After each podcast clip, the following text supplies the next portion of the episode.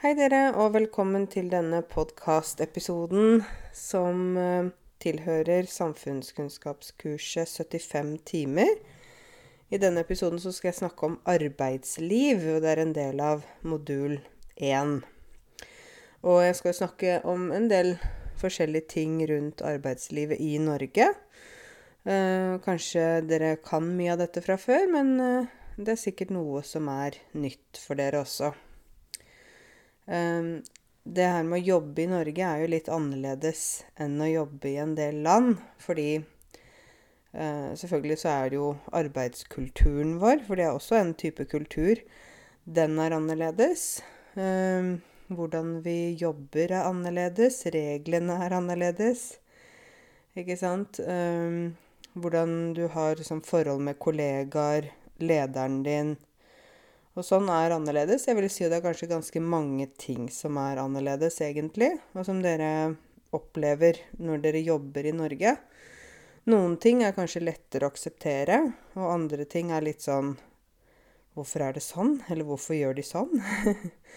og det er nettopp det dette kurset her hjelper med, da. Altså på en måte åpne opp og lære mer om hvorfor ting er som de er. Fordi for å vite hvorfor det er som det er, så må man gjerne ha en forklaring. Ellers så er det jo litt vanskelig å kanskje akseptere ting også. Men um, ja. Jeg begynner med noe som er, uh, står veldig sterkt her i Norge. Det at noe står sterkt, betyr at det er veldig solid. Uh, og det er noe som er viktig for oss, og det er det med fagforeninger. Det er ikke så vanlig i mange andre land, egentlig, fordi det er litt sånn det er ikke alltid at man har sånn at man kan være med i en fagforening. På engelsk så kaller man det for union. Men i Norge så er det sånn at både arbeidstakere, altså de som jobber, og arbeidsgivere, de har egne organisasjoner som da skal passe på deres rettigheter. Altså på begge sider av bordet, sier vi da. Både den som jobber, og den som gir jobb. Og det er veldig viktig at disse fagforeningene jobber for å passe på rettighetene man har.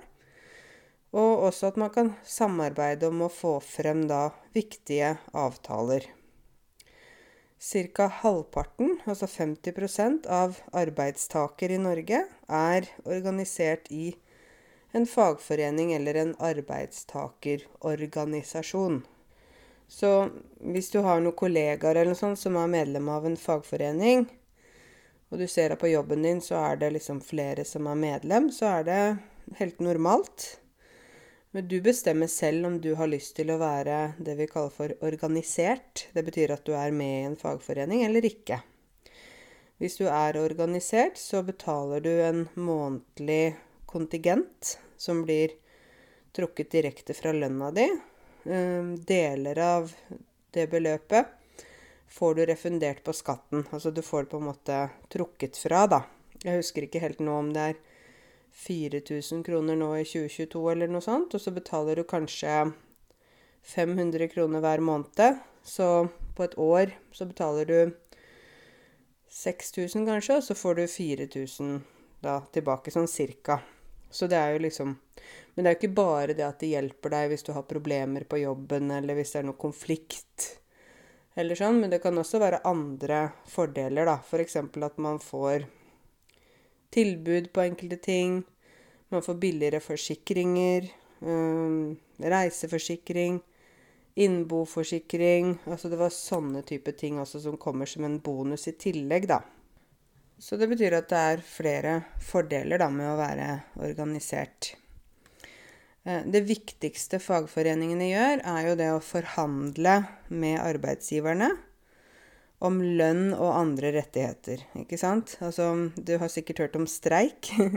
At noen går ut i streik. Og det er ganske vanlig. Fordi det betyr at uh, det er noe som man ikke er fornøyd med.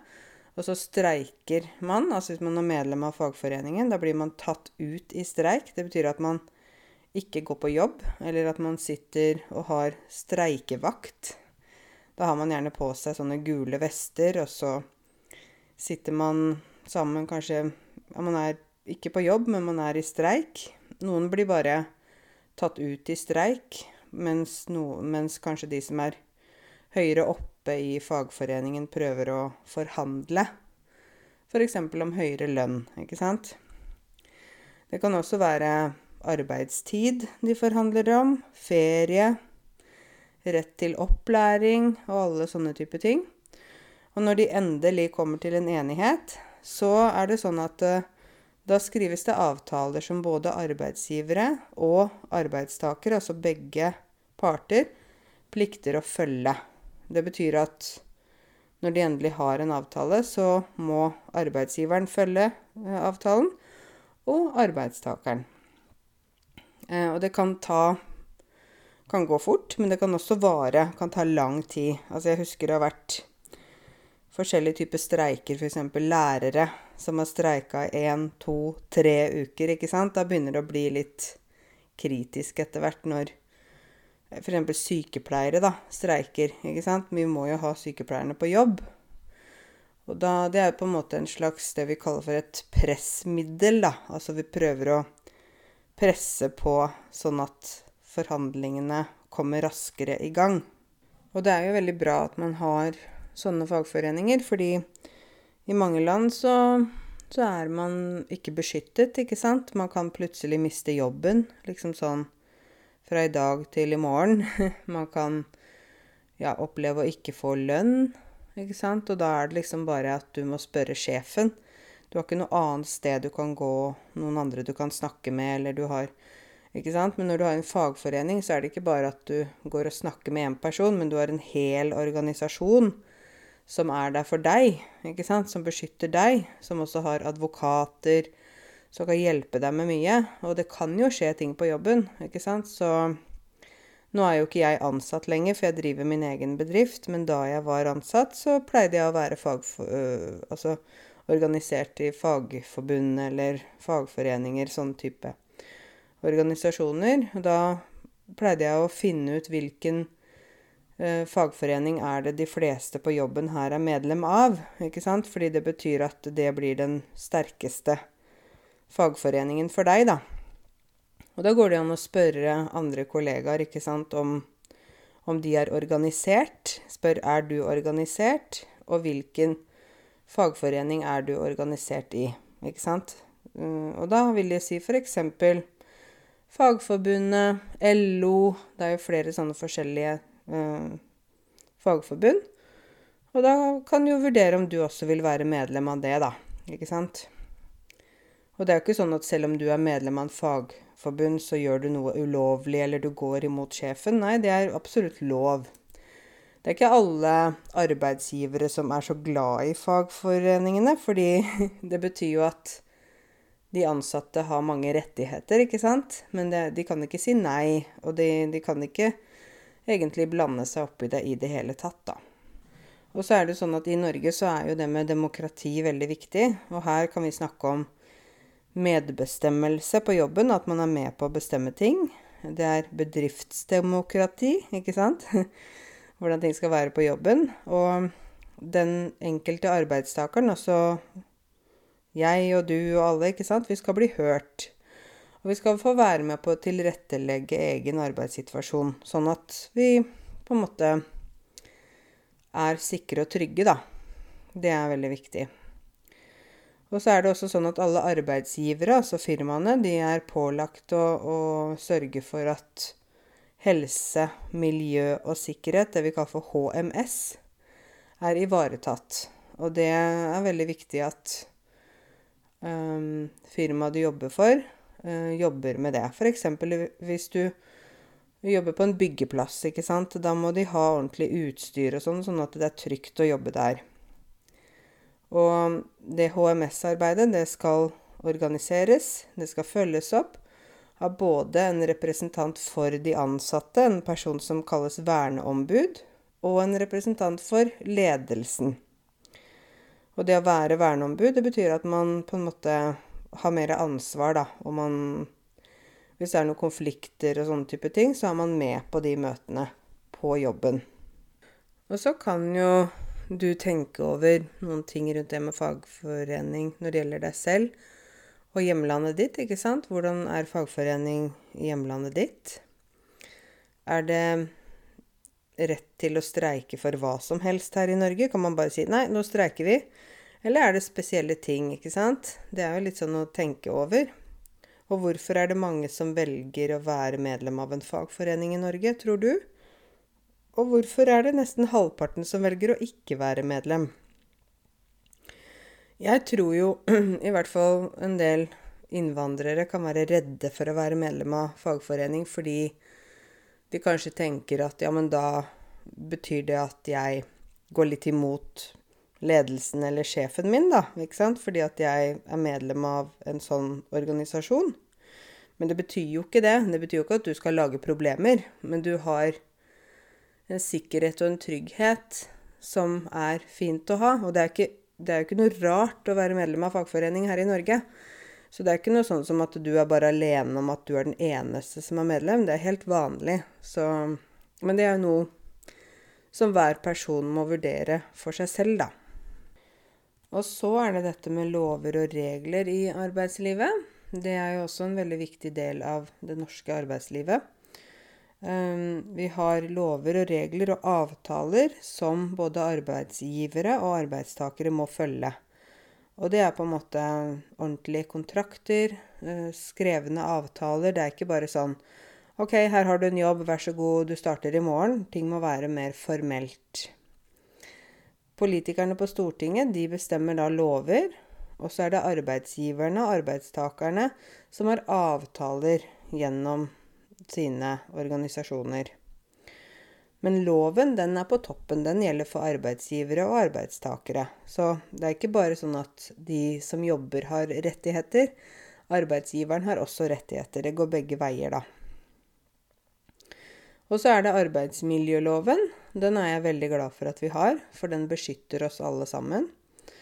Eh, vi må følge arbeidsmiljøloven. Det handler om hvordan vi ansetter folk. Kontraktene vi skriver. Arbeidstiden er regulert. Man kan ikke bare jobbe 20 timer, ikke sant? Fravær fra jobben. Arbeid med helse, miljø og sikkerhet, HMS, som jeg snakket om i stad. Så det er sånne ting som allerede er bestemt, da. Um, og så har jo også arbeidsgiveren hovedansvaret for arbeidsmiljøet, altså hvordan man har det på jobben, rett og slett. Men arbeidstakeren har også plikter. Det er ikke sånn at man bare har rettigheter. Det går begge veier, og det er viktig. Man må selv være med å skape et godt arbeidsmiljø, så det er ålreit for andre også å komme på jobben. Være med på å gjennomføre de tiltakene som man gjør for å, la oss si, få bedre arbeidsmiljø hvis det er dårlig. Og delta i f.eks. organiserte vernearbeidet, miljøarbeidet for bedriften. Så det er liksom man har også plikter, da. Og det, det, tenker jeg er viktig å huske på, at det går begge veier. Det er ikke bare sånn én vei, liksom. Uh, vi må jo alle ha ansvar og ta ansvar. Men det er jo sånn at vi har noe som heter Arbeidstilsynet, og, og de på en måte passer Et tilsyn er jo de som sjekker og passer på at ting gjøres riktig. Og de kan jo man kontakte hvis man på en måte La oss si det er man jobber i en bedrift der de ikke passer på de ansatte med f.eks. verneutstyr, da. Hvis man jobber på f.eks. en eh, byggeplass. Da kan Arbeidstilsynet komme på inspeksjon. Og det kan være både varslet inspeksjon, at de sier at de kommer, men de kan også komme eh, uten å varsle og bare dukke opp.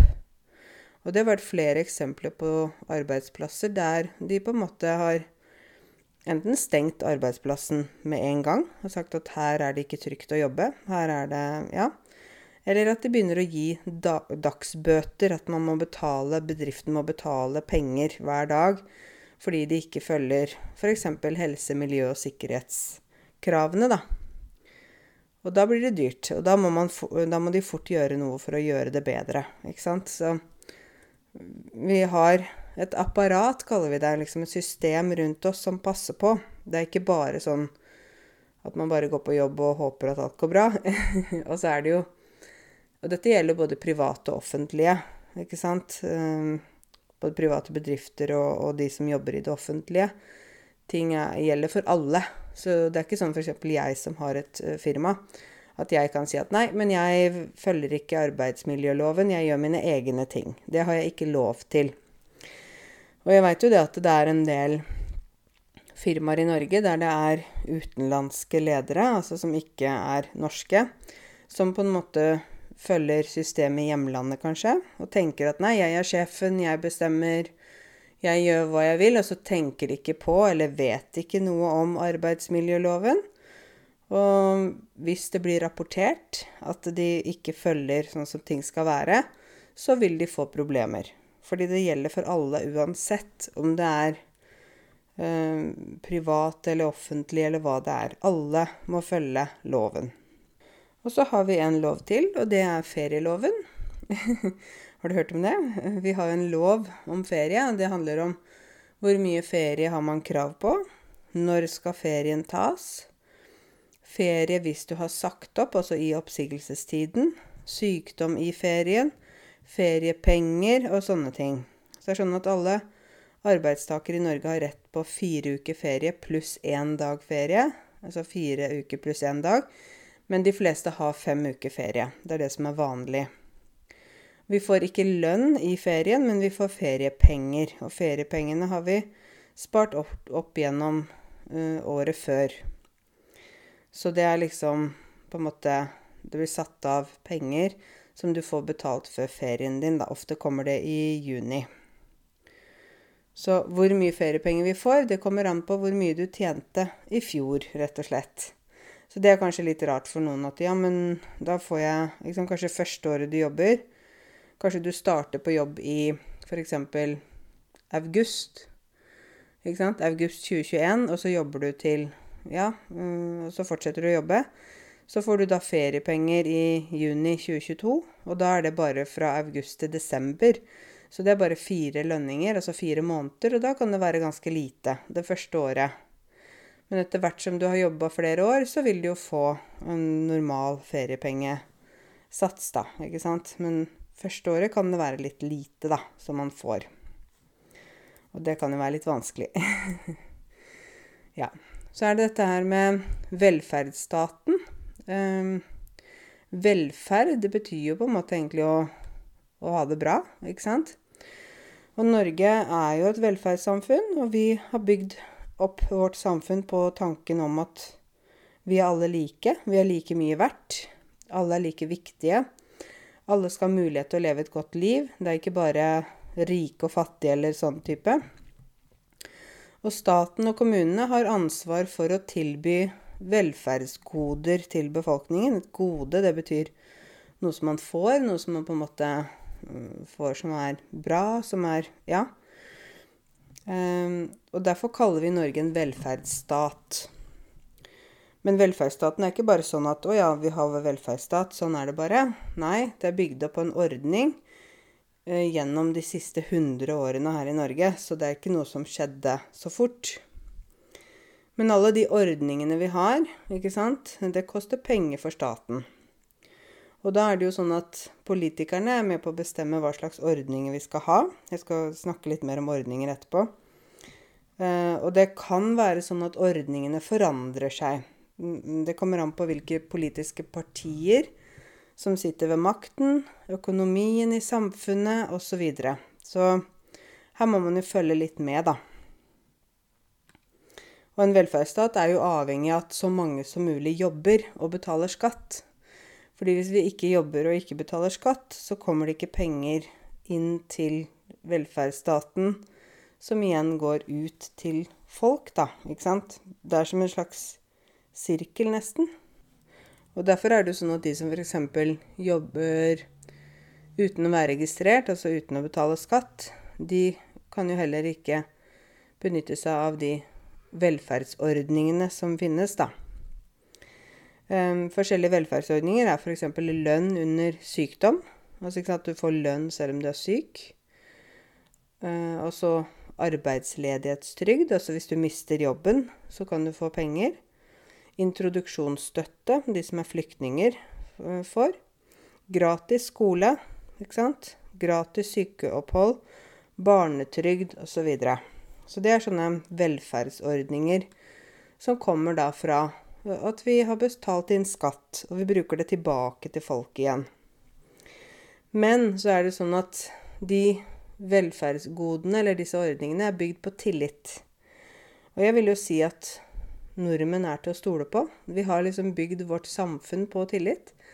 Det er veldig viktig for oss å være ærlige og kunne stole på hverandre.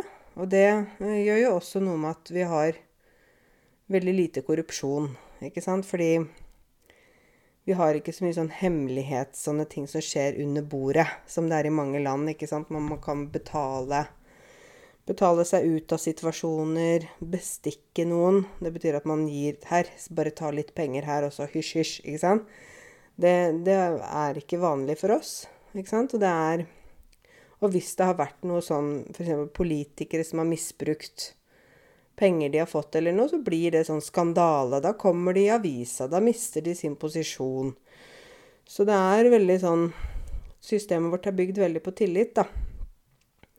Og så stoler vi på staten. Det også er jo litt rart, kanskje. At vi faktisk har tillit til at staten vil oss vel, ikke sant. Um, og vi stoler på at staten hjelper oss når vi trenger det.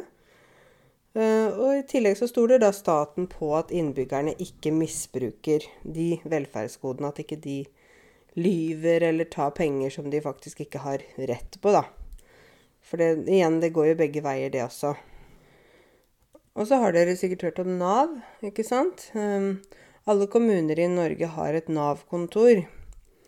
Og på det Nav-kontoret så kan vi få hjelp hvis vi trenger støtte. F.eks.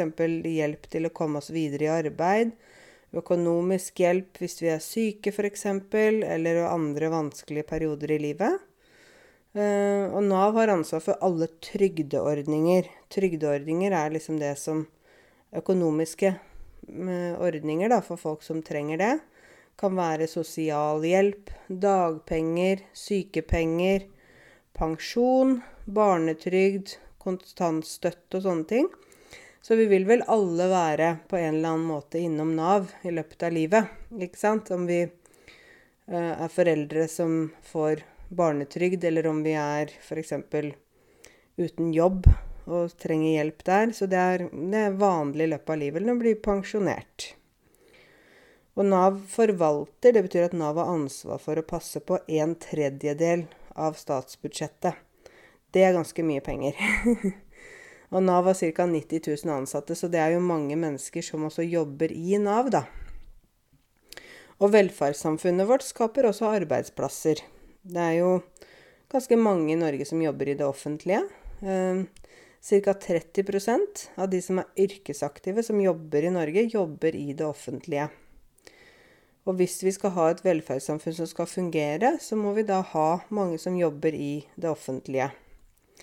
Vi trenger lærere, kontorpersonell, eh, rengjøringspersonell og andre som jobber inne i skolen. Vi trenger leger, sykepleiere, helsefagarbeidere, kontorpersonell igjen, rengjøringspersonell og andre som jobber på sykehus og sykehjem, omsorgsboliger, alle mulige sånn innen helsesektoren. Saksbehandlere, ikke sant, kontorpersonell og andre ansatte i Nav. Så alle, alt dette her er arbeidsplasser. Altså det er folks jobb, da, rett og slett. ikke sant? De jobber i staten. Og så er det jo litt sånn ting å tenke på. ikke sant? Hva betyr det uh, med likeverd? Hva betyr det at liksom Nei, alle er like viktige. Og hva er egentlig velferd, og hva er et godt liv? Det er jo sånne ting man kan tenke litt over, da. Um, og det er jo Her i forhold til velferdsstaten så er det nok mange ting som er veldig annerledes fra mange land, ikke sant? Det at vi har et sånt system som passer på oss, og der vi også må bidra med skattepenger for å så få tilbake, ikke sant? Så det er, eh, det er sånne ting som er litt spesielt, tror jeg, med Norge, da. Eh, for eh, det er jo ikke alle land som har, eller er, en velferdsstat, vil jeg jo si. Um, ja. Og så er det dette med lønn og skatt. Det er vi jo alle veldig opptatt av. Det er ikke så rart, det. Vi er opptatt av hva vi tjener. Vi er opptatt av hva vi betaler i skatt, og sånne ting. Og når vi snakker om lønn i Norge, Da snakker vi ofte om årslønn. Hva tjener du i året, eller hva tjener du per time? Um, og ca. sånn uh, årslønn i Norge før skatt, altså før skatten er trukket, er ca. 600 000. Men det er liksom gjennomsnittet med alle, da. Um, kvinner tjener ikke like mye som en mann. Der er vi jo ikke helt likestilte ennå. Jeg regna ut at det er ca.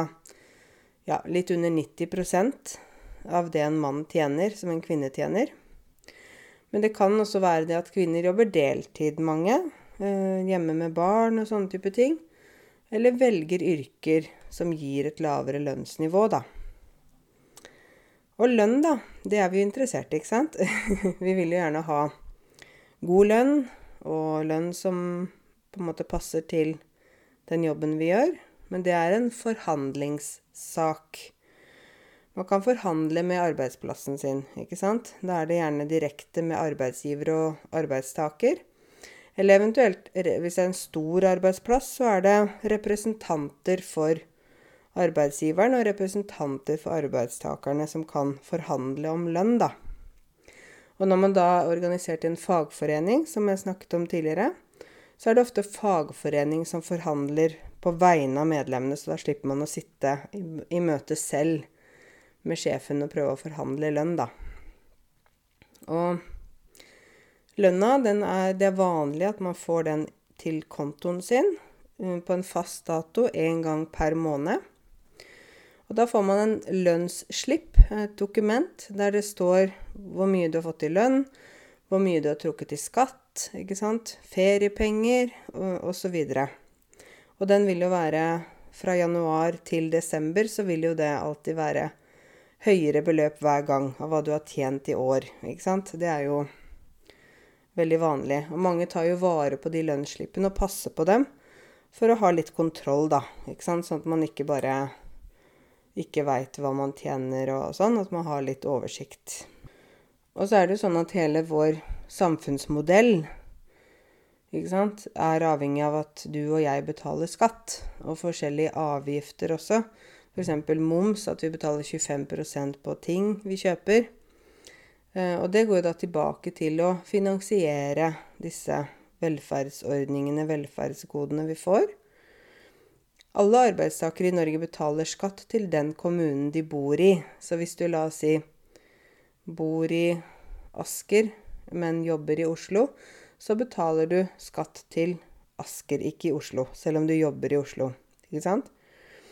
Um, arbeidsgiverne betaler også skatt til kommune og stat. F.eks. arbeidsgiveravgift når man har ansatte og sånne ting. Og så er det alle som tjener over et minimumsbeløp i året, de må betale skatt. Eh, så betaler vi forskjellig skatt, egentlig. Det er ikke sånn at vi betaler det likt heller. De som tjener mye, betaler mest skatt. Og det er litt sånn vi har laget et system for å regulere, sånn at ikke noen blir kjemperike, og mange blir absolutt ikke rike, ikke sant? for å regulere litt. De som tjener lite eller mindre, de betaler mindre skatt. Så det er litt sånn Jeg kan si litt Robin Hood. vi tar fra de rike og gir til de fattige. Nei da, men vi i hvert fall prøver å regulere det, så vi ikke får så store forskjeller i samfunnet. Fordi det skaper jo veldig også mange problemer, da, ikke sant. Og når du skal begynne i en ny jobb, så må arbeidsgiveren vite hvor mye skatt de skal trekke. Og så er det skatteetaten som regner ut hvor mye skatt du skal betale. Det er ikke alltid at det er riktig. Det kan være at du må justere skattekortet gjennom året, ikke sant? Eller at du må betale litt mer enn hva du trodde hvis du jobba litt ekstra. Men det er ditt ansvar. Eh, at skatteetaten har riktig informasjon om deg, hvor du jobber, hvor mye du jobber, hvor mye du tjener, sånne ting. Og så kan du gå inn på nettsidene til skatteetaten og gjøre endringer, da, hvis det er et eller annet du trenger å endre på. Og det er ikke sånn at Før så var det sånn at du måtte gi Jeg husker jeg måtte gi skattekortet fysisk, ikke sant, i hånda. Og jeg fikk det i posten, men nå er det digitalt, da. Nå, det, nå kan også arbeidsgiveren går og henter skattekortet ditt på nettet. Så du trenger egentlig ikke gjøre noe, men du må passe på at det blir riktig, da. Ikke sant? Og arbeidsgiveren trekker da skatt fra din bruttolønn, altså lønna før skatt. Og, og, da blir de skattepengene automatisk overført til det offentlige, så du ser faktisk aldri de pengene. Og jeg tenker det er bra at de tar de skattepengene automatisk. For hvis det var sånn at vi skulle selv spare, og så skulle vi betale, ikke sant, da er det mange som hadde vært fristet til å bruke mye av de skattepengene, og så ville de fått problemer, så det er fint at det blir tatt automatisk med en gang. Og så kom jo da tiden hvor man får skattemeldingen. Det er sikkert mange av dere fått og vært ganske litt sånn nervøse og tenkt åh, hvordan går det nå? Har jeg betalt nok skatt? Uh, får jeg baksmell, kaller vi det for? Altså at man må betale penger tilbake. Eller får jeg penger til overs på skatten? Det er alltid spennende. Fordi det kan være, sant, selv om du har hatt kanskje riktig skattekort og sånn, så kanskje du har jobba litt ekstra, ting, gjort litt andre ting, og plutselig så må du betale mer, ikke sant. Så den skatten du skal betale, det blir jo regna ut fra de opplysningene om deg. Og da vil du få skattemeldingen i mars-april. Og da er det jo mange som er veldig nervøse. Åh, hvordan har dette gått? Og så må du da gå inn og kontrollere tallene. Og hvis du har betalt for mye skatt, så får du penger tilbake. Har du betalt for lite skatt, så får du faktura. det er eh, enkelt og greit. Eh, men det er ikke så greit hvis det er veldig mye penger du må betale tilbake, da. Det er jo ikke noe gøy. Um, og når det gjelder arbeidsavtale, så er det jo sånn at hvis du blir ansatt et sted, så uh, skal du få en skriftlig arbeidsavtale. Det er din rett å få det. Um, både du og arbeidsgiveren din skal skrive under på avtalen. Det er da liksom Det står i arbeidsmiljøloven at hva den arbeidsavtalen må inneholde. Det kan være stillingen din, lønn, arbeidstid, sånne type ting.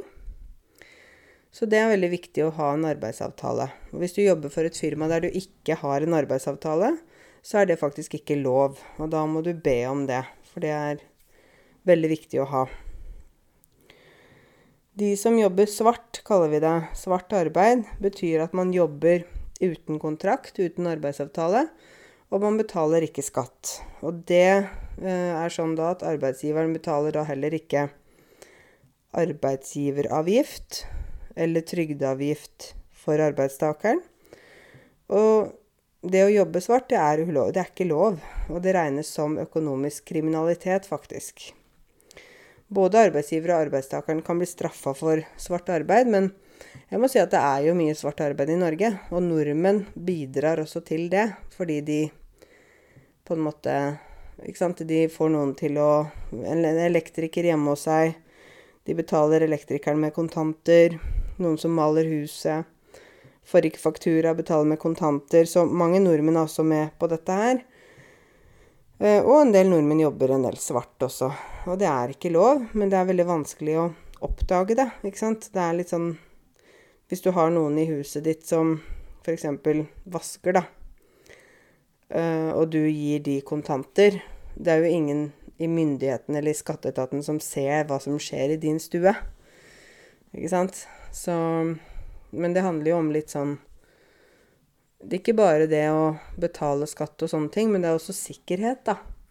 Hvis man jobber svart og eh, sant, noe skjer, så er du ikke forsikra. Du får ikke sykepenger. Ikke sant? Så du, det er litt sånn risikabelt, og det er, det er jo ikke lov heller, da. Um, så en som be, ikke betaler skatt, bidrar jo ikke til fellesskapet. Bidrar jo ikke tilbake til det store, eh, ikke sant. Og det er veldig viktig her i Norge, da. Um, hvert år så mister jo staten mange millioner kroner i skatteinntekter fordi mange jobber eh, svart, ikke sant.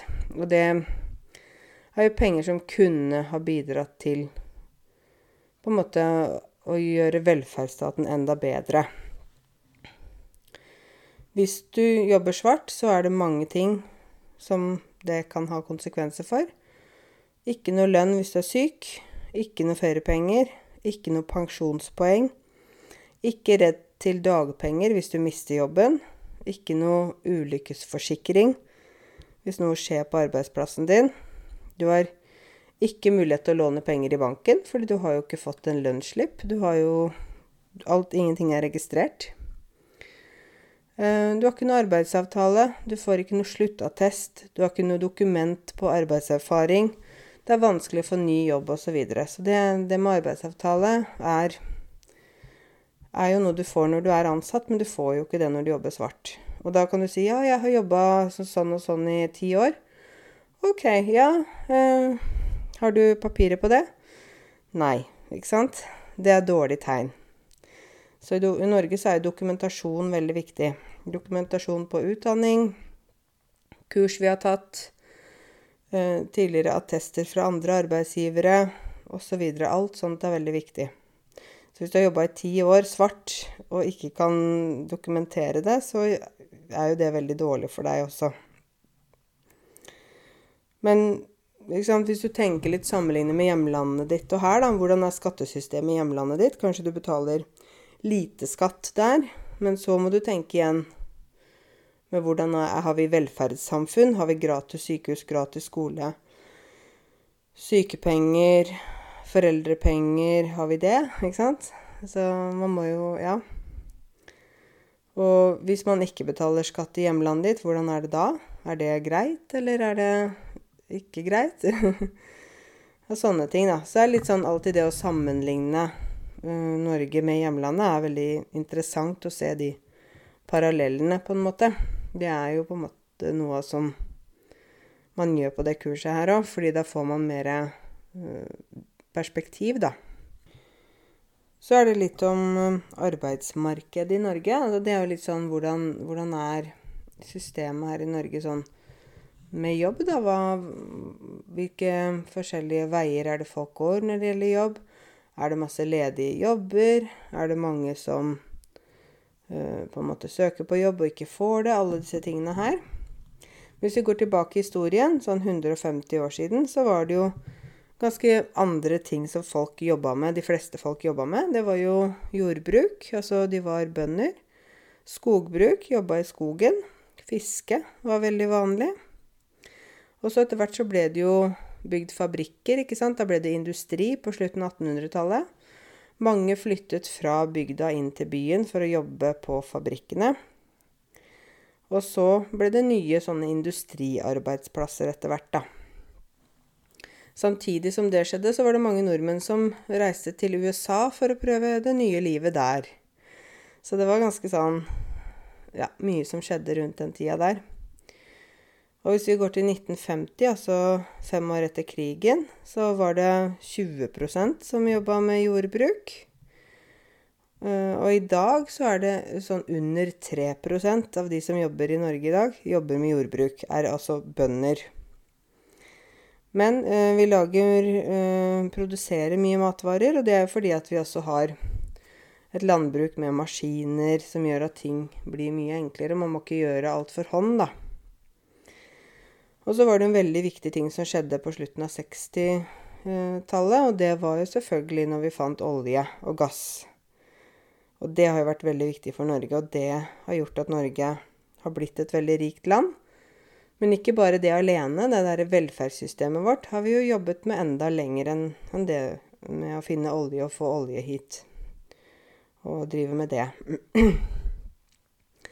um, det er sånn selv om nå er det jo klimautfordringer, og man sier man skal ikke ta ut mer olje og utvinne mer og sånn, så vil jeg fortsatt si at oljen er viktig for Norge likevel. Ikke sant?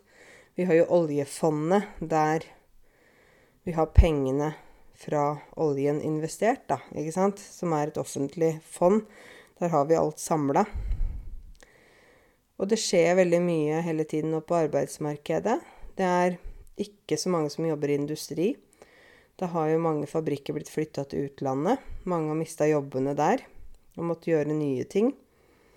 De fleste i dag jobber i serviceyrker, så de jobber ikke i f.eks. jordbruk og skogbruk og fiske og sånn.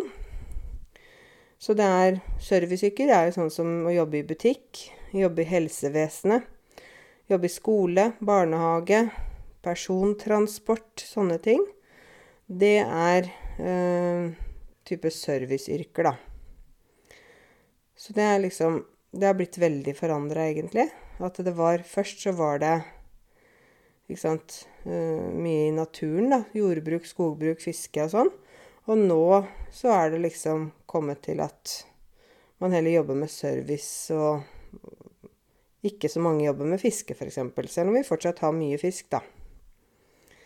Så ting endrer seg veldig. Uh, og det er jo litt fordi at landet vårt endrer seg, vi endrer oss, ikke sant. Ting utvikler seg, osv., osv.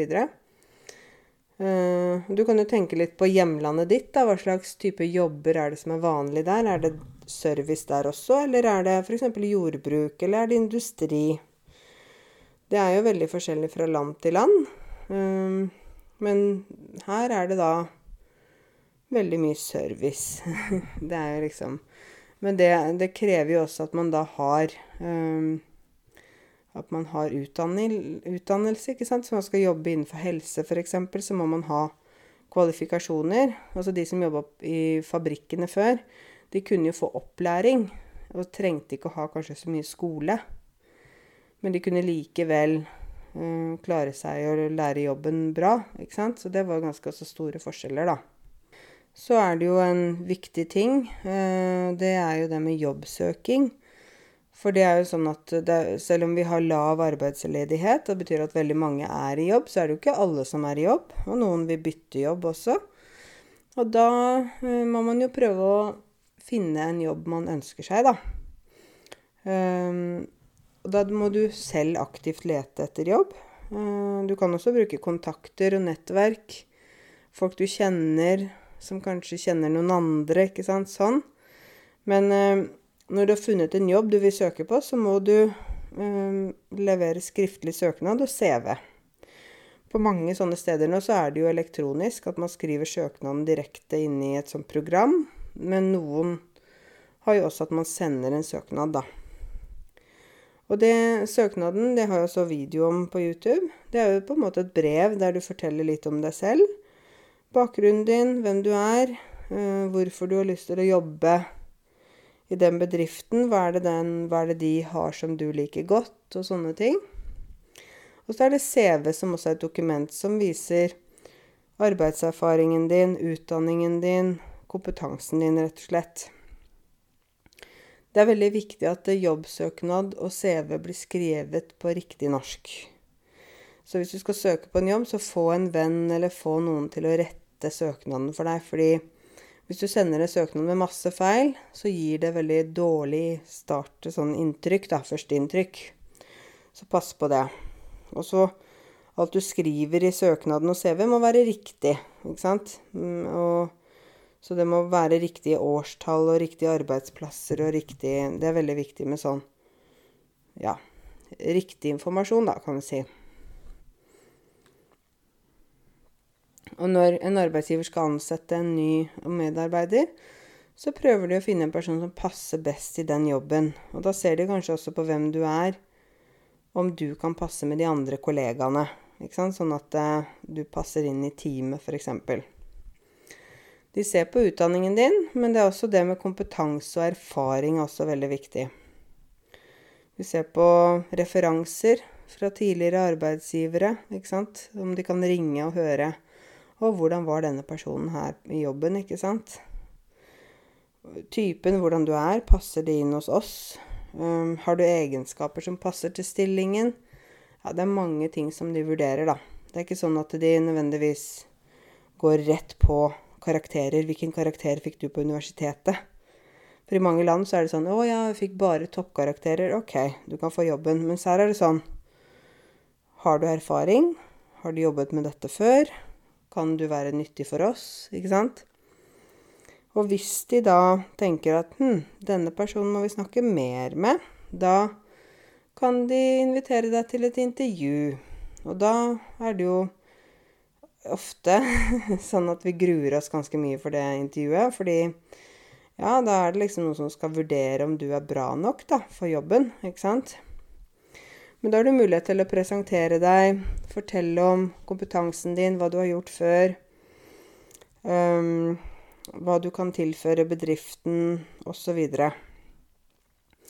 Så hvis du skal på et jobbintervju, så vil jeg jo anbefale deg å istedenfor at du bare tar bussen eller kjører og stresser om morgenen, dra dagen før og se hvor er dette, ikke sant?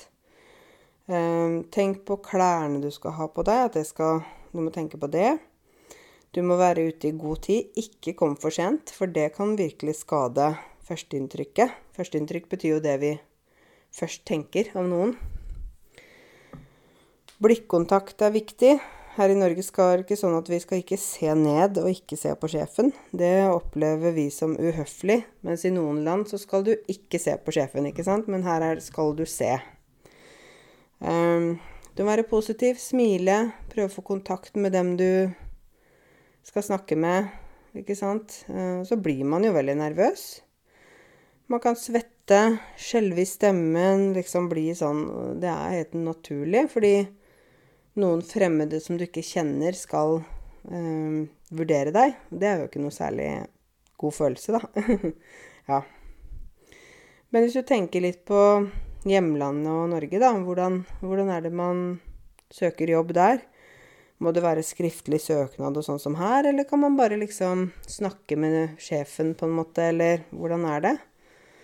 Um, og hvis du kommer til intervju, hvordan er det intervjuet her i hjemlandet ditt? Hvordan er intervjuet i Norge? Ikke sant? Så det er litt sånn Det er ganske store forskjeller, og nesten sånn Nå snakker jeg om arbeid, men det er nesten så jeg tenker at det er kulturforskjeller, og det er ja, veldig annerledes, da. Fra, fra Norge til mange land, egentlig. Det er ganske store forskjeller mellom de forskjellige eh, landene. Og så Hvordan skal man finne jobb, da? Ikke sant? Jeg snakket jo litt om det med søknader, men man kan også bruke nettverket sitt hvis man kjenner noen som kjenner noen som kjenner noen. man bruker Internett. Nav.no, finn.no.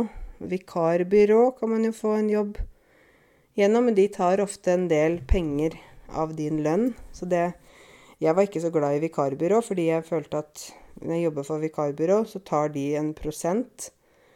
Hvis jeg får 200 per time, så tar de kanskje 30 kroner fra min timelønn. Ikke sant? Så ja, jeg syns ikke det var så ålreit. Men mange har jo funnet jobb gjennom vikarbyrå, da. Har jo det. Og så er det sånn at mange arbeidsgivere syns det er veldig viktig med referanser. De vil ringe din tidligere arbeidsgiver Spørre hvordan du fungerte i jobben. Uh, man kan også bruke en kollega som referanse. Må ikke være uh, tidligere sjefen. Særlig ikke hvis man jobber et sted og søker en jobb, og så har man ikke sagt opp jobben man er i nå, så skal man gå på intervju. Da kan man jo ikke gi den sjefen man har nå, som referanse. Det vil jo bli veldig feil, ikke sant? Ja. Um, og så er det, sies det, vi vet jo ikke helt, men det sies at mellom 60 til 80% av jobbene i Norge lyses ikke ut. Og lyse ut betyr at stillingen blir lagt ut på nettet så alle kan se. Men altså disse jobbene, 60-80% går gjennom nettverk. At man kjenner noen som kjenner noen. Og det er jo bra hvis man har bra nettverk, dårlig hvis man ikke har nettverk, ikke sant. Og nettverket, det er mennesker vi kjenner, mennesker vi møter, mennesker vi har kontakt med. ikke sant? Det kan være familie, slektninger, venner, bekjente, kolleger, naboer, lærere. Altså alle mulige slags folk, da. Kan være i nettverket ditt. Så lurer jeg litt på I Norge så Som jeg sier, vi får både jobb gjennom nettverket og også ved å søke jobb. Hvordan er det i hjemlandet ditt? Er det sånn at man da bare går og får en jobb, eller er det masse sånn papirprosesser? Uh, og før du kom til Norge, så hadde du et nettverk, ikke sant? Kanskje ganske stort nettverk i hjemlandet. Hvordan er nettverket ditt i Norge? Hvem er det du er mye som kjenner deg, og som liksom er en person du møter og ser, da? Og det er jo også viktig det med å bygge nettverk. Eh, prøve kanskje å oppsøke noe frivillig arbeid eller et eller annet sånt som gjør at man kan få flere bekjentskaper, da. Det tror jeg er veldig viktig, ikke sant. Så ja. hvis jeg skal oppsummere og snakke litt om arbeidsliv, så er det jo noe som er veldig viktig for oss her i Norge, og viktig for dere og for alle. Det er jo at vi ønsker at de voksne skal være i arbeid. Vi vil at det ikke skal være så mange som er arbeidsledige. Og derfor så jobber vi mye, også statlig, da, for å opprettholde arbeidsplasser og lage flere nye arbeidsplasser. Man kan få støtte økonomisk fra staten. F.eks. bedrifter kan få støtte.